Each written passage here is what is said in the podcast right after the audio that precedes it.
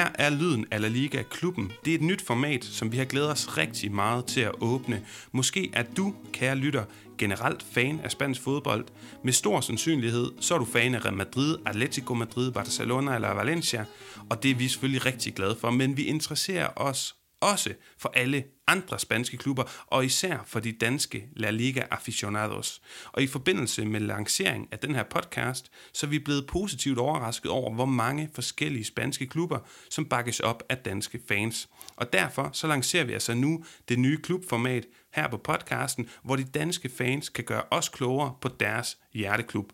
Og vi starter med en klub, som min vanlige medvært, Jonas Knudsen, kan du ikke fortælle os lidt om den klub? Det kan jeg. Vi er Real Klub de Fodbold. Hvor, hvor skal man egentlig starte? Altså principielt skal man jo ikke starte for langt tilbage, for klubbens største bedrifter er i grove træk at finde på den her side af årtusindskiftet. Øh, jeg tager alligevel lige et dykke i historiebøgerne øh, for en god ordens skyld. Klubben blev grundlagt i 1923 i den lille by Villarreal og fristede årti efter årti en forventelig tilværelse i de lavere divisioner. Efter borgerkrigen forsvandt klubben endda mere eller mindre en kort årrække og gik i stedet under navnet CA Fogatecas og El Submarino Amarillo, den gule ubåd, har end ikke altid været gul. Først var den hvid og sort. De spillede nemlig samme farver som regionens storhold og rivalen Valencia indtil 1947, hvor kitmanageren måtte se de hvide trøjer udsolgt og i stedet købe den eneste tilbageværende farve, gul. De blev tilsat blå shorts, som de beholdt indtil 2003, hvor også de blev den velkendte i øjnefaldende gule farve.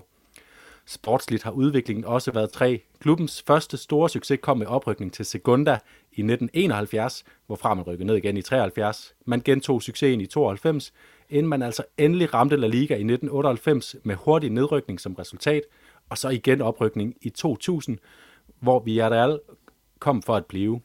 I 2001 chokerede man ved at købe øh, nykåret klubverdensmester med Boca Juniors Martin Palermo, og siden 2000 har man kun en enkelt gang været nede i Segunda i 2012-13 sæsonen efter et dramatisk år med CL-gruppespil, som kastede 0 point i en øh, dynamitgruppe med Napoli, Bayern og City, altså efter man i øvrigt havde slået OB ud efter et par dramatiske playoff-kampe, hvor jeg var på plads i Odense.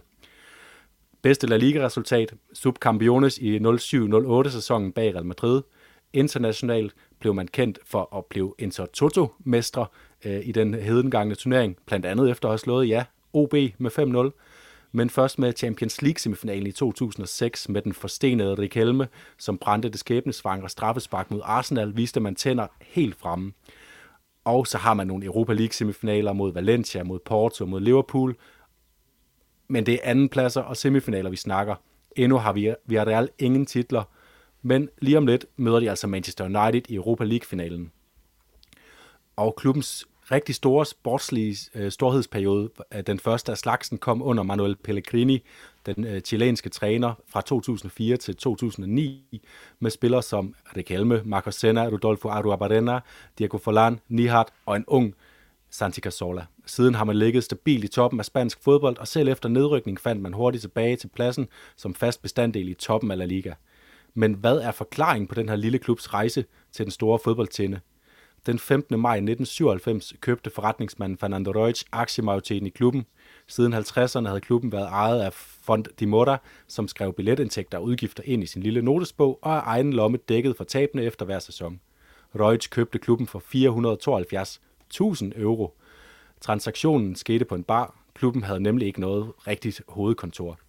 Reutz er jo et stift, øh, søn af stifterne af Mercadona supermarkedskæden, som hans bror i dag ejer, og så har han selv bygget sin formue videre i den her keramikvirksomhed Parmesa. I 2006 blev han udnævnt til æressøn i Villarreal, og i 2008 til den bedste sportsleder af Mundo Deportivo. Og da Villarreal øh, rykkede ned i 2012, solgte han 2,5 procent af sine aktier i Mercadona for 74 millioner euro for at indfri Villarreals gæld.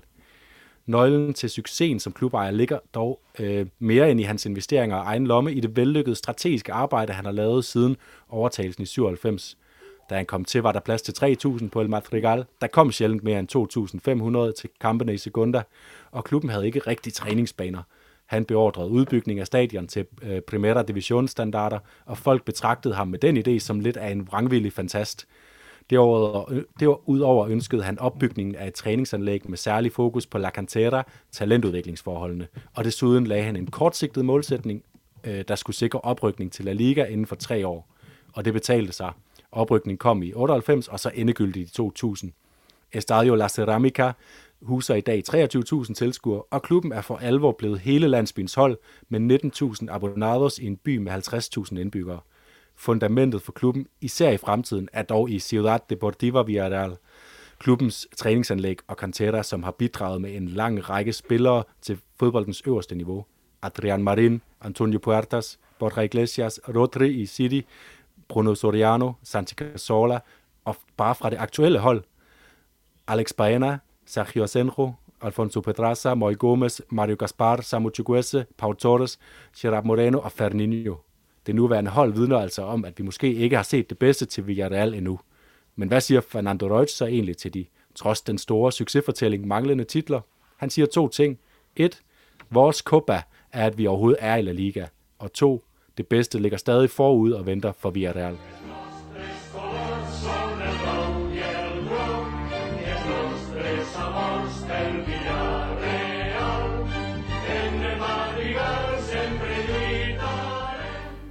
Ja, så velkommen til det her nye klubformat, og første klub, der skal under lup, skulle man næsten til at sige, det er altså Villarreal. Flot speak, Jonas, min vanlige medvært, og vi er jo ikke enige i studiet, dig og mig.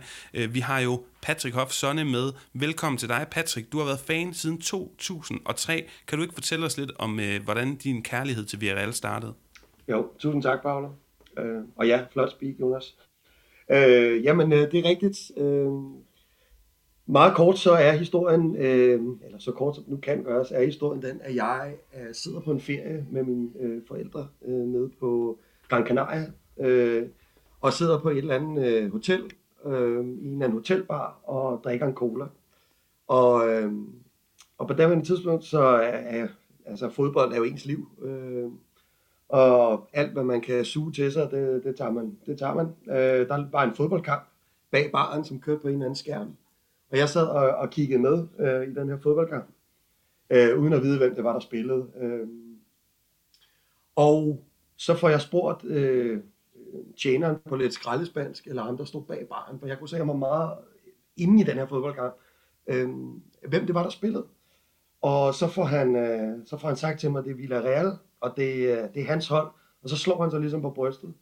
Og mens, han, øh, mens jeg sidder og ser den her fodboldkamp og drikker cola, der, han, river og flår i hårdtårterne og råber og har slet ikke tid til, til de gæster, der kommer og skal købe noget.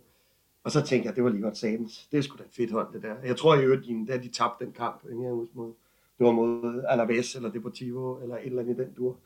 Øh, men jeg tænkte, det, det, skal, det skal være mit hold. Øh, ja, de spiller i samme farver som, øh, som Brøndby, og jeg var Brøndby-fan på det tidspunkt også. Øh, så jeg tænkte, det, det passer sgu meget godt.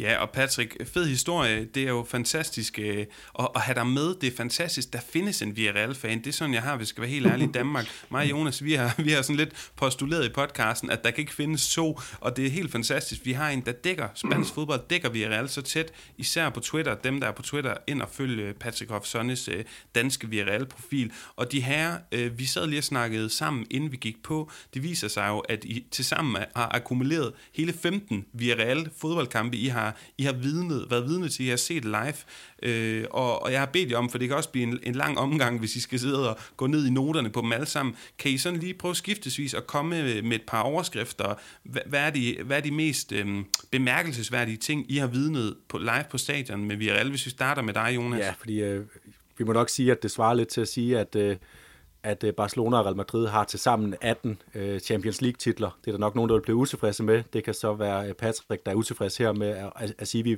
til sammen har 15. Jeg har, jeg har set Villarreal tre gange. Ingen af gangene var på, på deres egen hjemmebane, faktisk. Jeg har set dem en enkelt gang i, i Odense, lige her 500 meter fra, hvor jeg sidder og, og snakker nu, da de i 2012 eller 11 var i den her Champions League playoff øh, kamp, øh, hvor OB de vandt 1-0, den kamp jeg så, og der skal jeg indrømme, der stod jeg og jublede imod det, det spanske hold. Øh, det gik så helt galt i returen med 0-3 og, og drop, og vi alle var alt for gode til OB. Øh, så sådan måtte det være. Og så har jeg set dem øh, på Mestalla, da jeg var bosiddende i Valencia, og så på en enkelt øh, turisttur til Lissabon, der lige faldt sammen med deres Europa League-clash øh, mod Sporting. Øh, en kamp, hvor jeg, øh, hvor jeg lagde mærke til to spillere, øh, Bruno Fernandes fra Sporting og Samu Chukwese fra Villarreal, mest, må jeg sige, Samu Chukwueze, som bare var øh, all over i den kamp og, og ødelagde øh, Sporting Lissabons øh, forsvar.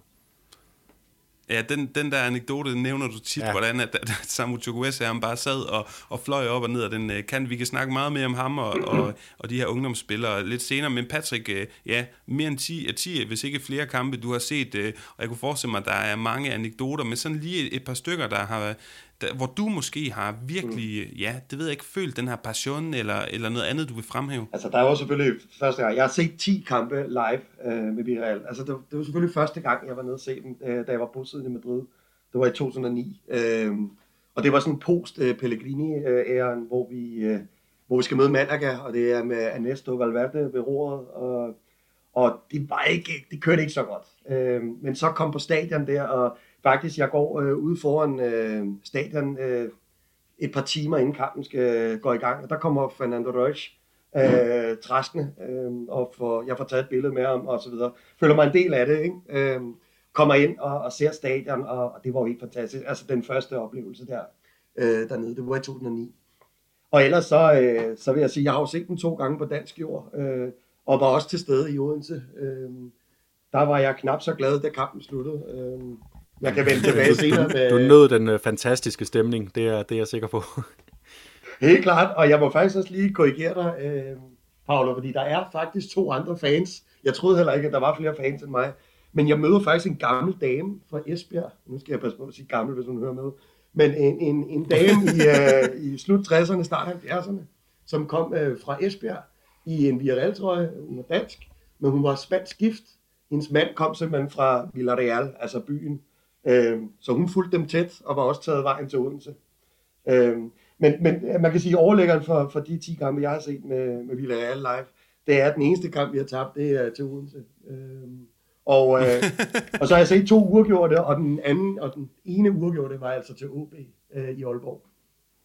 Champions League gruppekamp. Fantastisk, fantastisk Patrick. Ja. Jeg kunne lige tænke mig at, at høre dig, bare lige sådan øh, ganske, ganske kort. Hvad er det her øh, for et stadion? Hvis du prøve at beskrive øh, om, om, omgivelserne, fordi det er jo en lille by, modsat de andre store klubber, og nu ja, teaser allerede for lidt, vi skal debattere senere, mm. Villarreal er en stor spansk fodboldklub, men fra en meget, meget lille ophav, meget lille by, meget lille sted. Kan du ikke sådan kort og præcist beskrive rammerne omkring det stadion her? Jo, altså hvis, ja, hvis man sådan ser det sådan lidt fra et, fra et fugleperspektiv, så, så ligner det jo, at stadion bare er, er proppet ned med sådan en kran imellem bygningerne. Altså det, man forstår slet ikke, at der kan være et stadion i den lille by der. Øh, men det er altså en, en lille, lille øh, spansk, øh, klassisk øh, øh, spansk landsby, hvor der lige pludselig øh, brager et, øh, et, altså nu godt nok ikke et kæmpe stadion, men et, et relativt stort stadion op. Øhm, og så kommer man ind i første, altså jeg, jeg kan faktisk ikke engang huske, nu har jeg været der et par gange, men jeg kan faktisk ikke engang huske, om man kan gå hele vejen rundt om stadion, fordi der er en, en mur eller en bygning i vejen. Ikke desto mindre, så, øh, så er det en meget speciel oplevelse. Man kommer ind, og man har ikke altså, fornemmelsen af, at det, altså, at det er noget odiøst og flot og nyt og, og så videre, men, men stadig har man også fornemmelsen af, at der er blevet gjort noget, altså der er blevet bygget ud, og der er blevet gjort ved, øh, og, og det er ikke så gammeldags. Altså, det er ikke sådan nogle gamle engelske stadion øh, fra 1800 et eller andet, som bare stadig står og er sig selv og har hele sjælen med sig. Man kan godt mærke sjælen, men der er også sket lidt. Øh, jeg synes, det er fantastisk at være der. Og der er jo dejligt varmt dernede, hvis man tager Dejligt. det middagskamp. Ja, ja, præcis. Dejligt, Patrick. Og men det her, det var en start, de her, en dejlig start. Jeg er allerede øh, fuldt underholdt, og øh, vil nærmest ønske nogle gange, at man ikke har en podcast, men bare sætter sig på en bar og snakker om de her ting, fordi så er det ikke så vigtigt at komme videre og, og, nå, og nå alt muligt. Men altså, vi har en, en formidlingsopgave foran os, og øh, til lytterne derude, så kan I høre, at vi startede med en lille speak fra Jonas. Rigtig flot vil jeg også nå, og ligesom, øh, ligesom Patrick sagde, rigtig, rigtig dejlig speak, du får lavet der, Jonas. Så lidt kildeintroduktion her, og lidt øh, subjektivitet, følelser, og så kunne jeg godt tænke mig, at vi hopper lidt, øh, skal vi sige, i, i det faglige arbejdstøj og får formidlet over for lytterne, jamen hvad er det her for en klub, hvad er det for en udvikling, den har, hvis man overhovedet kan nå at, at, at bidrage med det, fordi Jonas, du kom virkelig flot omkring, men hvis nu vi starter ved dig, Jonas, og du tager La Liga-brillerne på, så kan vi komme tilbage til Patrick med, øh, med ja, øh, som Groget. Øh, jeg kunne godt tænke mig at høre dig, Jonas. Altså min tanke omkring Villarreal, vi snakkede forleden for et par uger siden i podcasten om, hvem er den bedste oprykker i spansk øh, fodbold i 21. århundrede. Øh, men der kiggede vi jo meget på de umiddelbare bedrifter, lige når man har rykket op.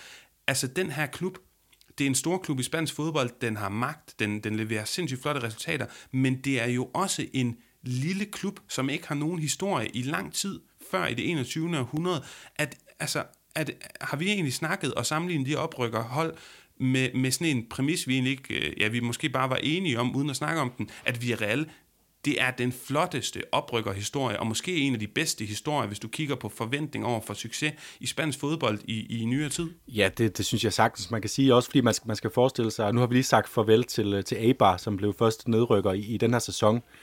Øh, da de kom op, så var der meget snak om, hvor fantastisk historie det var, den her lille by, den her lille klub. Øh, de har så overrasket alle ved at holde sig i La Liga øh, meget længere, end man troede i, i syv sæsoner. Øh, det gjorde Villarreal jo altså også. De har bare gjort det på en måde, så de ikke bare har holdt sig i La Liga, men de ret hurtigt efter de kom op, etablerede sig bare som sådan en subtophold, og det er nok også derfor, hvis vi, øh, hvis vi øh, klemte dem, så, så skyldes det, at når vi kigger på Villarreal som oprykker øh, i sæsonen øh, øh to, øh, 99-2000, så tænker vi ikke på Villarreal som et, et over, lidt, sådan lidt overraskende, et lille hold, øh, som rykkede op. Så derfor så, så er de bare en anden kategori. De er, de er oppe i, i kategori med måske lige under, under Sevilla og, og Valencia. Øh, undskyld til Valencia-fans, som, som nok føler sig lidt forbitret over den sammenligning. Men man må bare sige, resultaterne taler for sig selv. De har ligget i toppen. Øh, hvis jeg lige sådan nævner deres placeringer, bare lige hurtigt efter deres oprykning i 2000, en syvende plads øh, i første sæson, så kom der en 15. plads og en 15. plads til. Derfra hedder den 8, 3, 7, 5, 2, 5, 7, 4, så kommer 18. plads og nedrykning, så kommer de tilbage, og så hedder den igen 6, 6, 4, 5, 5, og så en 14. plads i 2019, og så en 5. plads i sidste sæson, og nu ligger de så og får enten den der 5. til 7. plads. Så det er bare sådan, det er stabilt toppræsterende hold fra en, øh, en, en by og øh, med en klubhistorie, som overhovedet ikke har peget den retning indtil 1900 øh, sidst i 90'erne.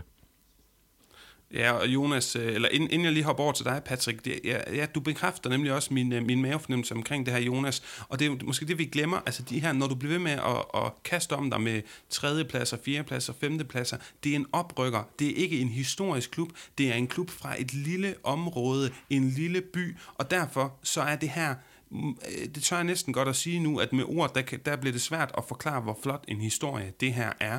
Og de ting, nu hopper vi over til Patrick igen, tænker jeg måske rykker lidt ved, ved klubbens selvforståelse, og den kan du måske tale ind i som, som kilde, som øh, hardcore fan. Hvis vi prøver at starte med, at der kun har været en nedrykning, siden de kom op der i, øh, ja, var det 2000, vi blev ja. enige om.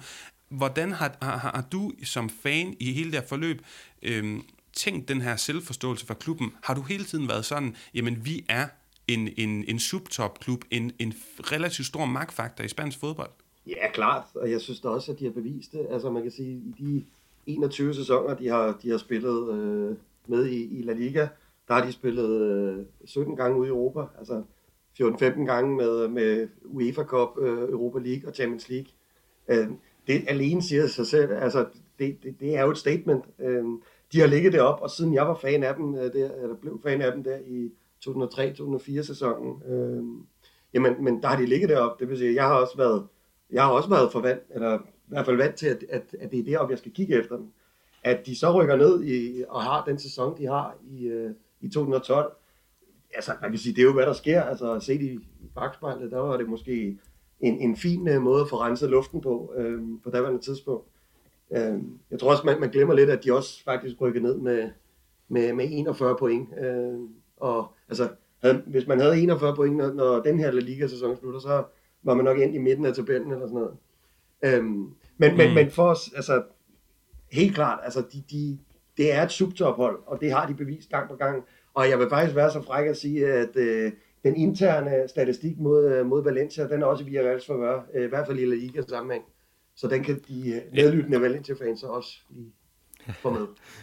Ja, men, men nu, nu, nu tager du hul på det, Patrick, så lad, lad os tage den her snak, fordi øh, når man ligesom øh, har, har, kan man sige, tager temperaturen på spansk fodbold, som Jonas og jeg mm. øh, gør og følger rigtig meget med, så, så får man ikke, synes jeg, et, et stort indtryk af, at Valencia er, er den oplagte rival, ligesom man ser de store rivaliseringer omkring i Spanien. Måske har det noget at gøre med, at Villarreal jo kommer fra et helt andet, meget mere, som man siger på spansk, humilde, et meget mere ydmygt ståsted, altså, og, og så simpelthen har, har kæmpet sig arbejdet sig så flot op til at være en klub, som på alle måder fortjener Udover deres historik, og den kan man jo ikke, man kan jo ikke gøre andet end at arbejde på at, at få en historik, men det er måske det eneste, der mangler for, at man 100% er, er i øjenhøjde med Valencia. Så hvis vi starter ved Jonas, øh, fordi den oplagte, den oplagte ting at sammenligne med, det er Valencia. Men hvis du skulle kigge ud over Valencia, Jonas, Villarreal, hvilke andre klubber i, i spansk fodbold burde man hive op og sige, det er på den her omgangshøjde, Villarreal fortjener at, at blive snakket om? Uh, jamen, altså, det er jo i de, uh, i de klubber, som ligger på, på og, og, og traditionelt uh, kæmper om Europa League-pladserne, og i, øh, i super gode sæsoner kan snige sig til fire. Altså, vi snakker historiske klubber som Atletic Klub og Real Sociedad. Øh, Sevilla har så taget et skridt op nu, men, men Real Betis, altså det, det er de klubber, som vi er Real som en naturlig ting nu, øh, nævnes i blandt, og, øh, og endda også, må man sige, har været mere stabile end langt de fleste af de klubber, øh, som, som har haft, øh, Real Betis har haft flere nedrykninger øh, i det 21. århundrede end Real. Øh, Real Sociedad og Athletic Klub har, har været mindre i Champions League, for eksempel. Så altså, de, har bare, de har bare taget nogle, nogle kæmpe skridt, som gør, at de, de nævnes i, i, i sammenligning med nogle hold, som er, er meget større, end, man, end det burde være. Og, og derfor så er Valencia også det hold, man må kigge på nu, synes jeg, i forhold til rivalisering, fordi tidligere ville det måske være øh, Castellón for eksempel. Øh, det, Villarreal er så lille en by, at det ikke engang er Valencia, der er den nærmeste større by, som de, øh, som de sådan er knyttet til. Det er faktisk den her Castellón, øh, men det er jo bare en klub, som de for længst har sat af. De, de ligger stadig og råder rundt i noget, noget Segunda B og så videre. Mm.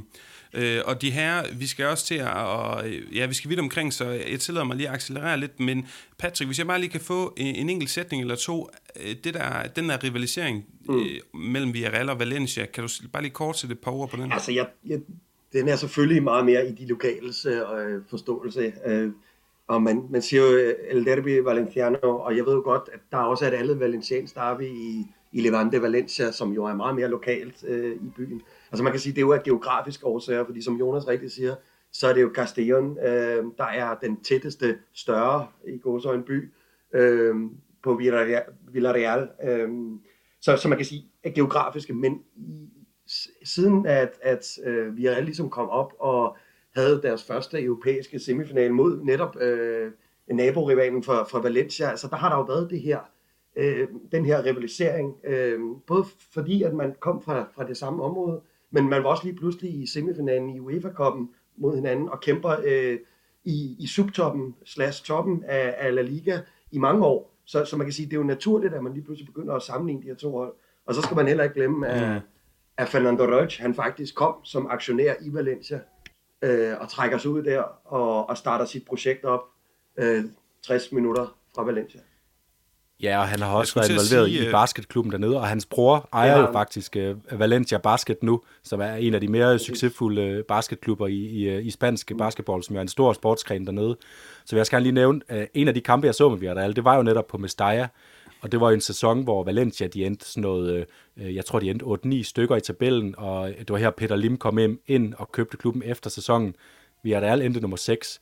Det var som om, jeg, jeg mener, kampen endte 1-1, Øh, det var ikke så vigtigt, fordi det jeg bemærkede, det var mange af fans, der begyndte at forlade stadion lang tid før tid.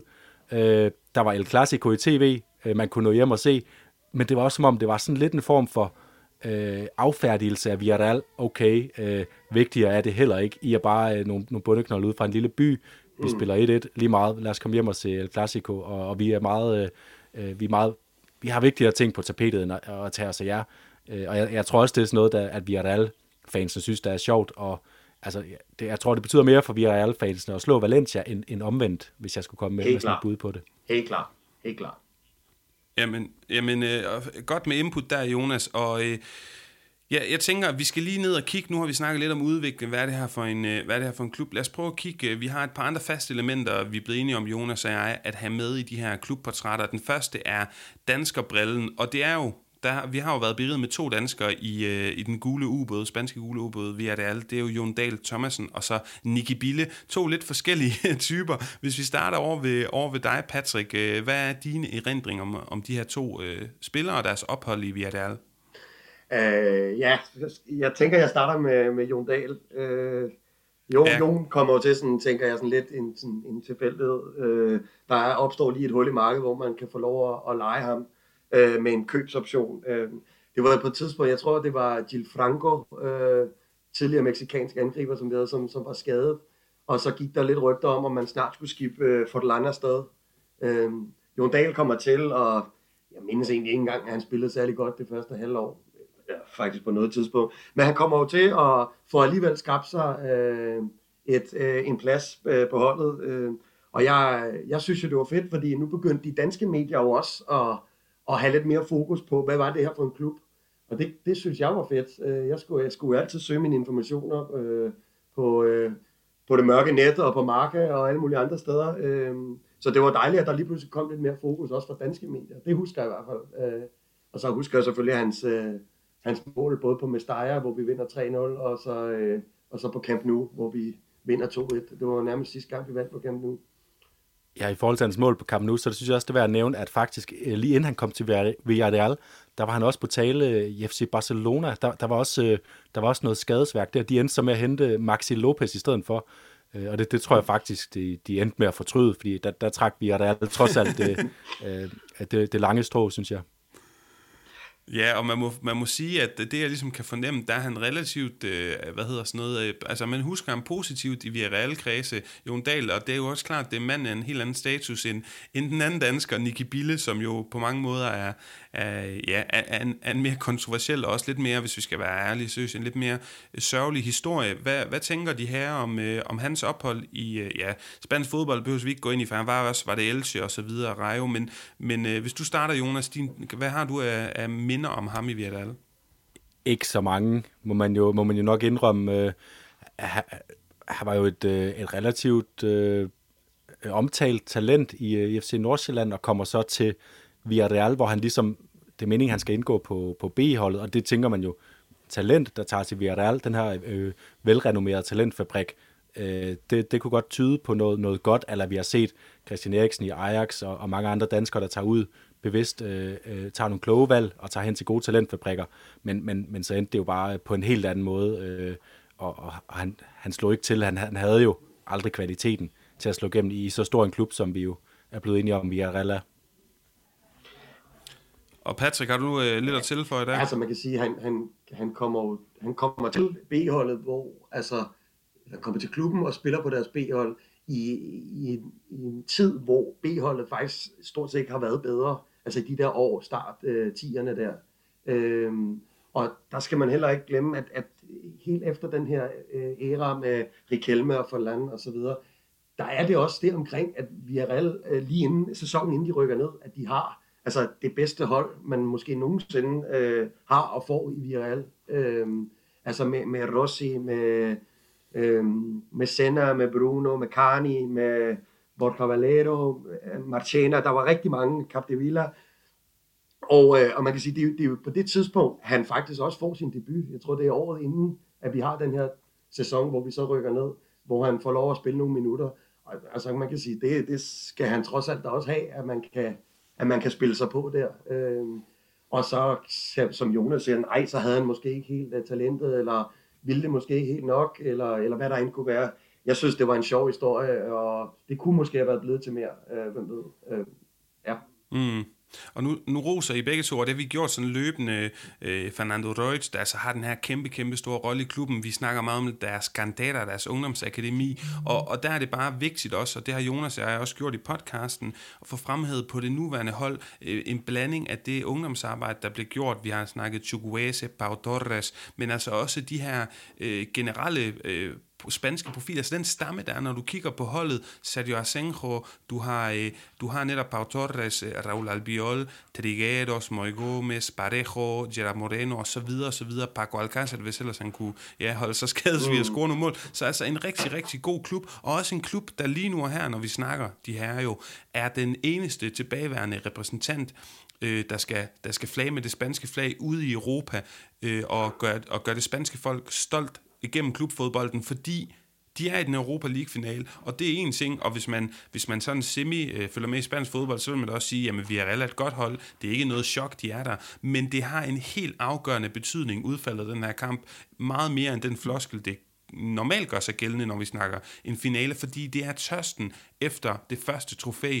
Patrick, kan du ikke prøve at sætte os ind i, hvor meget det fylder i klubben, det her med at få cementeret den her sindssygt flotte historie, vi er, med et trofæ, konkret det her Europa League-trofæ? Ja, men altså, det vil betyde øh, alverden for, for klubben, for, for deres selvforståelse dernede, for, for det arbejde, Fernando Deutsch, præsidenten, har, har kastet i de sidste øh, 3-4-25 år. Øhm, altså, man kan sige, det her det er, det er det største, der, er, der er sket indtil videre i klubben, så selvfølgelig så, øh, så, så gør de alt for, for at vinde, og netop som du også sagde, så øh, Paolo, altså det her med, med det, det spanske trup, altså de kan jo i princippet stille med, med 11 spanier, øh, uden at, at svække holdet særlig meget øh, mod Manchester United. Det siger også lidt, og ja, der er også en del af dem, som er, som er fra egen butik, så at sige.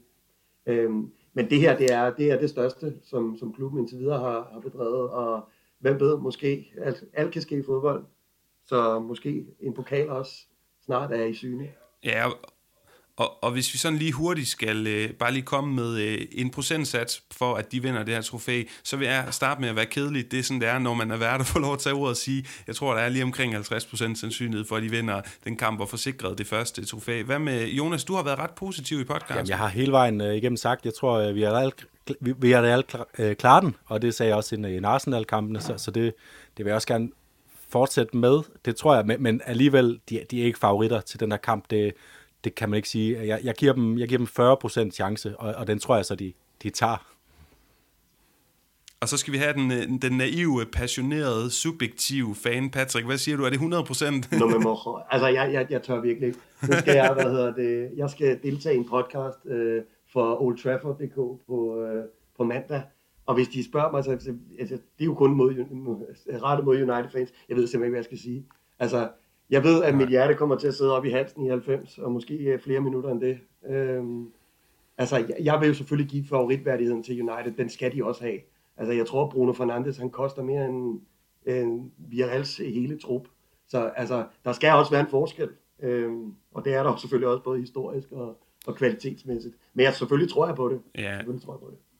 Ja, jeg er meget, meget enig, Patrick. Og øh, ideen med de, de her klubportrætter er jo også, at de skal være relativt tidløse i deres indhold, men vi bliver nødt til lige at have den her hurtige øh, stussen omkring, omkring noget så vigtigt i deres historie. En ting, som er tidløst, og som man altid kan vende tilbage til, det er det sidste hvad kan man sige, element, Jonas har valgt at lægge ind i de her klubportrætter, som er, at vi skal have lavet øh, klubberne, de pågældende klubber, vi snakker om, deres bedste, altså undsætte galler igennem historien. Og måden det foregår på, er, at vi stiller i en klassisk 4-3-3, så kan man altid snakke om, om nogle af positionerne er mere eller mindre offensive. Vi har alle tre lavet et hold, vi har ikke snakket sammen, og øh, så tænker jeg egentlig bare at starte med at lægge ud, og det er jo klart, øh, man kan diskutere til, til herfra til, til verdens ende, men lad os prøve at holde os til de steder, hvor at, at der er mere tvivl om det, og så lad der bare mig lægge ud med at sige, at øh, målmanden, er det ikke bare Sergio Asenjo?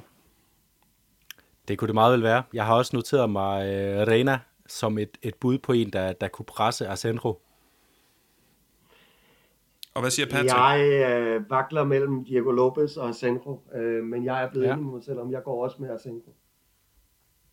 Det er fair nok, og allerede her har vi jo en god, altså en, en flot liste af, af, af målmænd. Øh, så lad os prøve at kigge på øh, forsvaret. Øh, er der en bedre, er der et bedre bud end Mario Gaspar på højre bak? Jeg har noteret Javi Venta. Øh, han, han var aldrig en, øh, en, en, en stor spiller, synes jeg, men han, han var der længe, og han var der i, i en god periode i klubben øh, som en stabil faktor. Lidt ligesom Mario Gaspars øh, øh, største forsøg også egentlig er hans, hans relative stabilitet. Han har nogle andre kvaliteter end Venta. Altså, jeg vil sige i forhold til, til jeg er i øvrigt helt enig, men i forhold til Mario Gaspar, altså han deler virkelig vandene. Øh, han var rigtig god i de øh, 3-4 år under Marcelino, øh, eller 3 år, eller hvad det var. Øh, han, han er jo i efterhånden, han er kaptajnen. Øh, jeg tror ikke rigtigt, at Villarreal fans føler, at det er deres kaptajn, som Bruno var, som Senna var. Øh, han er en af dem, der har spillet allerflest kampe. Jeg tror, hvis han spiller to år mere, så er han den, øh, Villarreal spiller med allerflest kampe i klubbens historie. Så selvfølgelig kan man ikke få sådan en mand. Men, men jeg vil bare sige, højre baks, og vi har ved Gud haft mange mærkelige typer. Øh, Armando Sar, øh, Cicinho, øh, ja, Ravi Venta, Angel Lopez osv. Men, men den, den bedste for mig, altså, og, som fik mest ud af, af den tid, han så var i, klubben, det er Julian Belletti, brasilianeren, som efterfølgende røg til, til Barcelona. Han var med i de år, som, ja. som hvor, hvor rejsen ligesom startede øh, med Europa og europæisk fodbold og UEFA Cup. Fair nok, og det er, det er også et, et kæmpe stort navn at få ind. Og apropos store navne i midterforsvaret, så er det vel bare et spørgsmål om, hvem der skal den markerskab med Diego Godin, eller hvad siger I de her? Det har også været min primære, øh, øh, primære øh, udfordring. Jeg, jeg har nævnt navne som, øh, som Musacchio og Gonzalo Rodriguez øh, og øh, Carlos Marchena for den sags skyld. Ja, altså, øh, jeg har øh, også valgt Godin, øh, selvom han er, han er ikke sådan en, en vældig type af Villarreal-fans generelt. Der var også nogle, nogle disciplinære ting og sager, der, mens han var der. Men man kan, man kan bare ikke fornægte, at, at der havde Antonio Cordon, den tidligere øh, sports øh, director øh, i Villarreal, han havde, han havde set rigtigt, da han hentede øh, Diego Godin til Europa. Øhm, så, så jeg havde også øh, skrevet øh, Gonzalo Rodriguez og Matteo Musacchio, øh, og jeg valgte at gå med, med Musacchio. Og jeg var faktisk så fræk lige ved også at, at skrive Pau Dodes ned, men jeg synes lige, han mangler et år eller halvanden mere for, os, på det ja, niveau. præcis. Ja, men det er jo lige præcis det, fordi ellers så, han skal nok komme. Øh, og, og de her, det betyder altså, at vi mangler lige en venstreback for at lukke defensiven, og altså, jeg synes jo, Raume Costa, han har gjort det rigtig fint, og, og er en stor skikkelse i den her klub, men Cap de Villa, for, også bare for den symbolik i, at da Spanien var allerbedst som landshold, så stillede de med øh, kun Real Madrid og Barcelona spillere i grov træk, og så var der lige Cap de Villa på venstreback. Skal han ikke også have vores venstreback? Han får den. Jeg vil lige nævne Jamen, en, smuk, en æresbenævnelse til Juan Pablo Sorin, som ikke var der længe, men som ja. altid var god og, og sjov at se på. Og så uh, Rodolfo Arruabarena, som var sådan en af de, de første argentinere der, der blev hentet ud, ud af en lang række argentinere i startnullerne, og var der i, i, i mange år, og, øh, og spillede solidt på den der, den der venstre dør. Ja, el, syvende flest kampe i historien. Han, ja, ja han, er, han var helt klart også et bud, men uh, jeg tænker, han kommer ikke over Cap de Villa, trods alt. Det er svært det er godt, de her. Så lad os hoppe, øh, lad os hoppe på midtbanen, tremands midtbanen, og hvis nu jeg så igen, det, det er nemt at sidde for, i min stol, fordi jeg lader afgøre tingene, og det, det, det har jeg det sådan set også fint med. Hvis nu jeg siger, at øh, to af de tre midtbanefolk er Marcos Senna og Casorla, kan I så ikke øh, enten ja, erklære uenig, eller øh, måske også bare fortælle mig, hvem den tredje mand skal være? Hvad, hvad er budene? Hvis vi starter ved dig, Patrick. Men ja, altså, nu, nu kører du jo en, en offensiv 4-3-3, så, så hvis, hvis det er præmissen, så skal Cazorla i frem i forreste række øh, i, i, på mit hold. Men, øh, men begge, både Marcos Senna og Cazorla, er, er med på holdet, så det behøver vi ikke diskutere.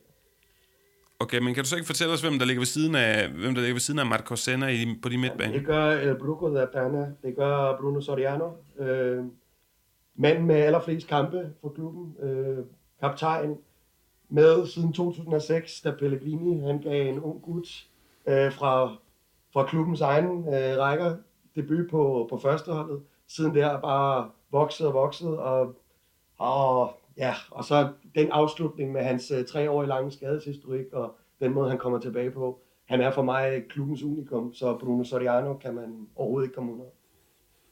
Jamen, jeg er fuldstændig enig. Og, hvem, og hvad med på den anden side af Marco Senna? Jamen, hvis jeg skal fortsætte, havde... så, øh, så, er, er, Men havde vi ikke Cazzola der? Var det ikke Cazzola, Senna og, og Bruno, øh, vi, vi, vi kom frem til her?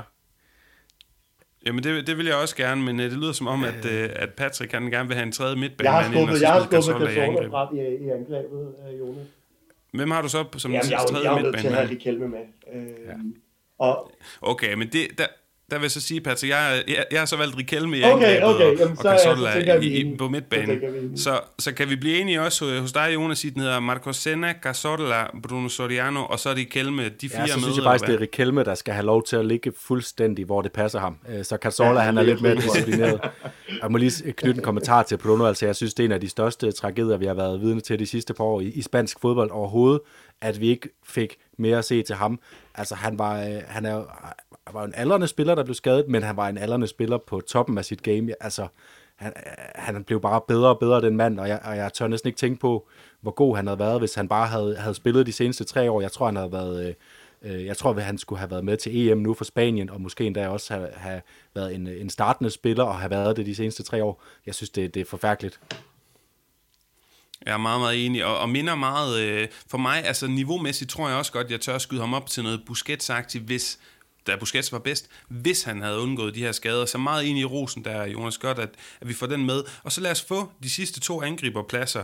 Øh, Gerard Moreno, kan, jeg kan næsten ikke komme udenom for, hvor god han, han har været den her sæson, men man skal jo ikke kun have de aktuelle briller på, og andre bud kunne selvfølgelig være øh, Forlan, Diego Forlan, Rossi, som øh, også blev nævnt før, og så Pires bare for den persona, han er. Men hvilke to angriber har I, øh, har I valgt, som vi mangler?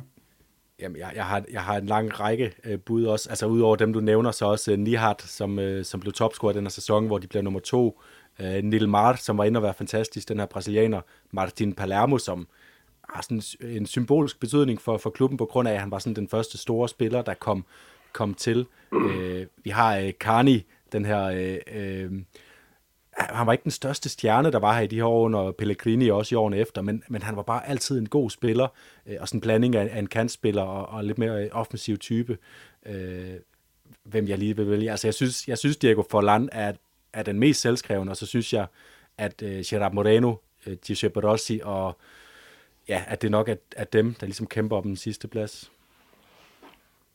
Så lad os få Patrick på banen. Det er jo, øh, du har jo fået lov at få magten og, og diktere mm. i sidste ende. Er vi, helt, øh, er vi helt ude af den her? Nej, nej, nej, nej, og I har jo bænken på plads, og jeg er jo glad for, at I både nævner Carni og, og Bides. Øhm, fantastiske spillere. Øhm, jeg øh, er valgt, har, har valgt at tage nutidsbrillerne på og har sat uh, Gerard ind.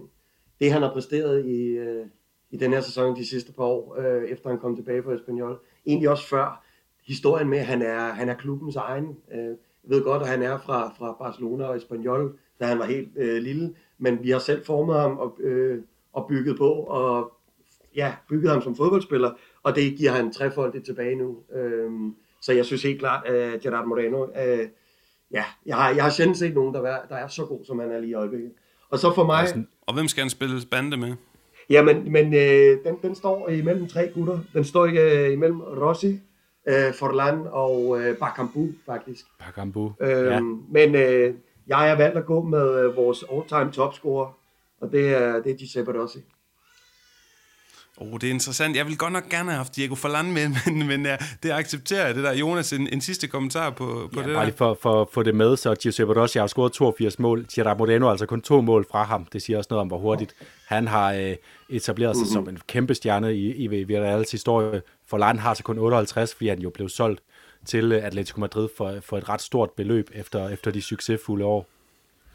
Så mm. altså, jeg kan helt gå med yes, på yeah. Giuseppe Rossi, øh, som også er en spiller i øvrigt. Altså, nu, snakker vi om Bruno, hvordan han fik udlagt sin karriereskade. Det, det kan vi også mm. sige om uh, Giuseppe Rossi til sidst.